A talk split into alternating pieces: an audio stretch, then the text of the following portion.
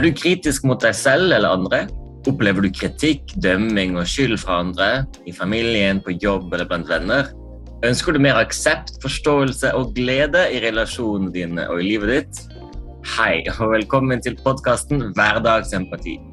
Jeg heter Gert Skogsorski Danielsen, og jeg gleder meg til å dele tanker, refleksjoner og ideer med deg om hvordan du kan integrere mer empati, ro og glede i hverdagen din. Tusen takk for at du velger å høre på.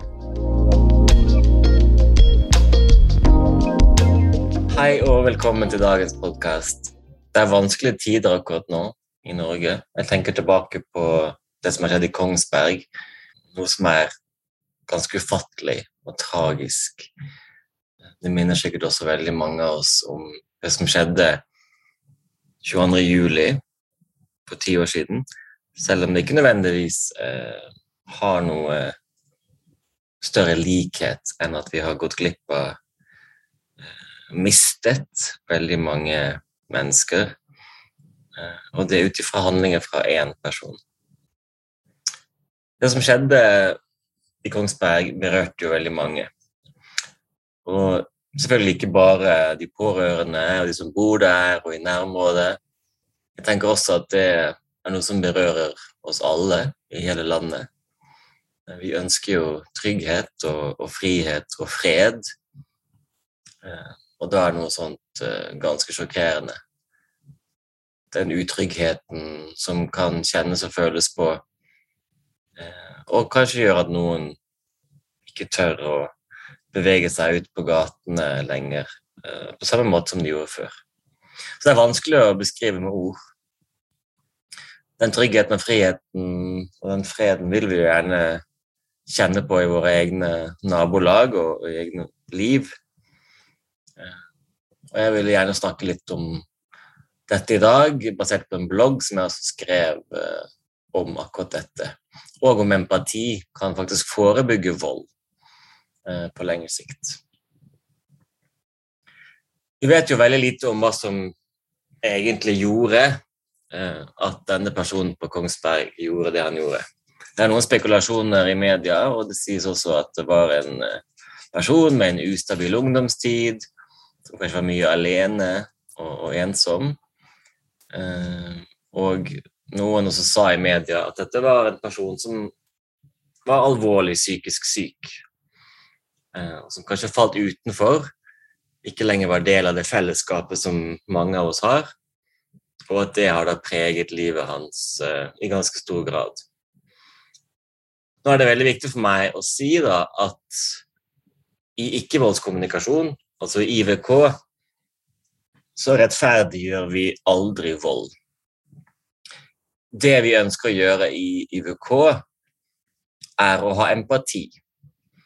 Å ha empati for de personene som også eh, kan gå så, så langt som å, å, bruke den type vold. Og, og empati eh, for noen betyr ikke nødvendigvis å være enig med dem i det de sier eller gjør.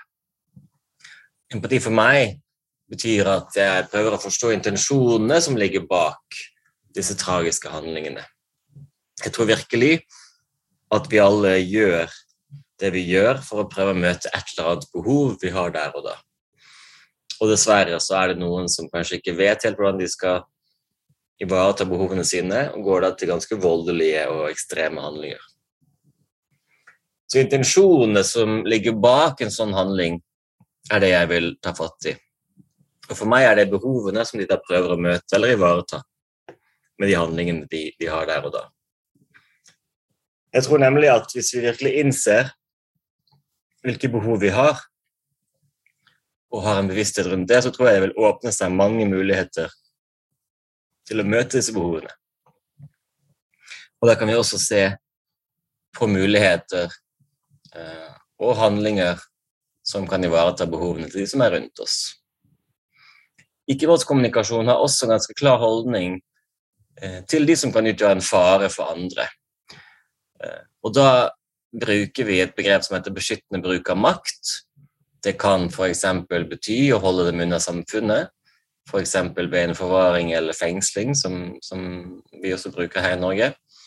Og samtidig er det viktig i IVK at ved bruk av en, en, altså ved en beskyttende bruk av makt, hvor noen på en måte holdes tilbake fysisk for å kunne trygge andre mennesker, så er det viktig at de som da blir holdt tilbake, samtidig får støtte og empati for å kunne rehabiliteres og, og kanskje gjenintegreres i samfunnet etter hvert. Og det er jo veldig likt det vi har i samfunnet i Norge i dag, med rehabilitering i det norske fengselsapparatet. Så jeg tror jo virkelig da at empati med mennesker som er ensomme eller sinte, eller mener de er ekskludert fra fellesskapet, eh, som kanskje går rundt og, og bærer på mye, på mye nag, så tror jeg det er viktig at vi kan ha empati med dem for å kunne bidra til å forebygge vold. Da gjelder det å være til stede der disse ungdommene er. Eh, for jeg tenker jo at det er viktig å begynne tidlig med forebygging. Barn og unge. Å være til stede på skoler, eh, i lokalsamfunnet, for å prøve å oppdage de som sliter. Eh, tilby dem støtte, empati og fellesskap. Alt avhenger av selvfølgelig de utfordringene de har. Jeg tror nemlig ikke at det hjelper å utstøte dem, ekskludere dem eller kalle dem ekstreme, farlige, eller at de er trusler mot samfunnet. Det er jo også eh, en kjent sak, for meg i hvert fall, at de som mobber, har det jo heller ikke godt selv. Eh, så mobbing er jo også noe som er viktig å ta tak i, hvor vi da tar tak i både beskyttelse for den som blir mobbet, og også prøver å forstå og støtte den som mobber, eh, nettopp for å kunne forebygge mer mobbing. Sånn som jeg ser det, da, så forebygger vi ikke vold ved å dømme eller ekskludere de vi er uenige med eller ikke forstår. Det er veldig lett å gjøre det, og det ser vi veldig ofte i politikken, blant annet.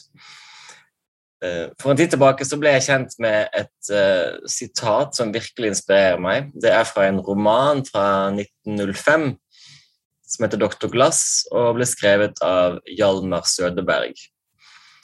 Dr. 'Doktor Glass' ble senere dramatisert flere ganger. Dette sitatet som jeg skal dele med deg nå, har gjort veldig sterkt inntrykk på meg. Og det resonnerer veldig med den filosofien som jeg finner i ikke-voldskommunikasjon. Og det lyder sånn man vil jo bli elsket. I mangel av det beundret. I mangel av det fryktet.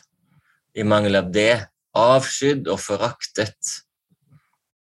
Sjelen skjelver av skrekk for tomrommet og ønsker kontakt for enhver pris. Det er veldig sterkt. Det sier altså at selvfølgelig vil vi gjerne bli elsket og beundret først og fremst. Vi vil ha oppmerksomhet og bli sett for det gode i oss. Og får vi ikke den oppmerksomheten, og blir vi ikke sett eller hørt, så er det faktisk eh, sånn, som jeg ser det, at da er det vel så viktig å heller bli fryktet eller avskydd eller foraktet eller hatet. Fordi vi ønsker den oppmerksomheten. Vi ønsker å bli sett og hørt.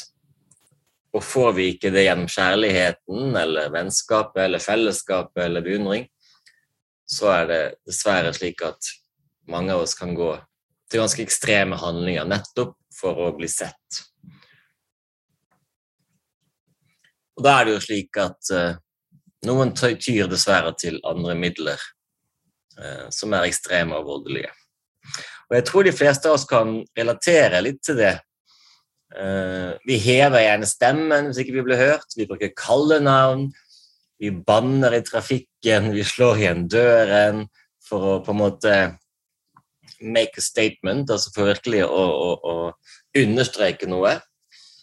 Eller vi slutter å snakke til andre eller bruke fysisk makt eller vold. Så her gjelder det for meg at vi er til stede. At vi er til stede med empati og forståelse for de som har det vanskelig og uttrykker seg på den måten. Eh, jeg tror virkelig at eh, i de øyeblikkene hvor noe så ekstremt blir brukt som vold eller stemmebruk eller psykologisk materiell, fysisk, seksuell annen type vold, så tror jeg pers den personen har utrolig liten kapasitet inni seg og liten energi til å kunne klare å uttrykke seg på en annen måte og be den oppmerksomheten. Og igjen er det ikke rettferdiggjort. Det er rett slett bare at jeg ønsker å prøve å forstå det, til å nærme meg den personen og prøve å støtte og hjelpe gjennom empati. Så da gjelder det faktisk i forebyggingens tegn å prøve å se alle så mye som mulig. Barnehagen, på SFO, klasserommet, blant venner, i familien, på jobben med kolleger og selvfølgelig også i sosiale medier. Dette er ikke lett, men den gode nyheten for meg er i hvert fall at det er mulig. For empati mener jeg er medfødt. Eh, så har vi kanskje avlært empati med årene. Og det skal vi også snakke mye mer om i andre podkaster. Men empati kan gjenlæres, det kan praktiseres, og det kan integreres, og dermed anvendes hver eneste dag, hvor enn vi er. Jeg tror virkelig vi kan forebygge mer vold på den måten. Eh, alle typer vold. Og på lengre sikt så kan empati gi oss et tryggere og fredeligere samfunn. Og siden empati eh, ikke har en pris, det er noe vi alle kan lære å bruke og integrere, så, så er det noe vi kan alle bidra med. Mine tanker i dag går først og fremst til Kongsberg og til alle i hele verden som berøres av vold hver eneste dag. Og jeg hviler virkelig i tillit til at vi sammen kan skape en verden med mer empati, forståelse, frihet, trygghet og fred. Tusen takk for at du hørte på. Jeg gleder meg allerede til neste podkast. Takk skal du ha.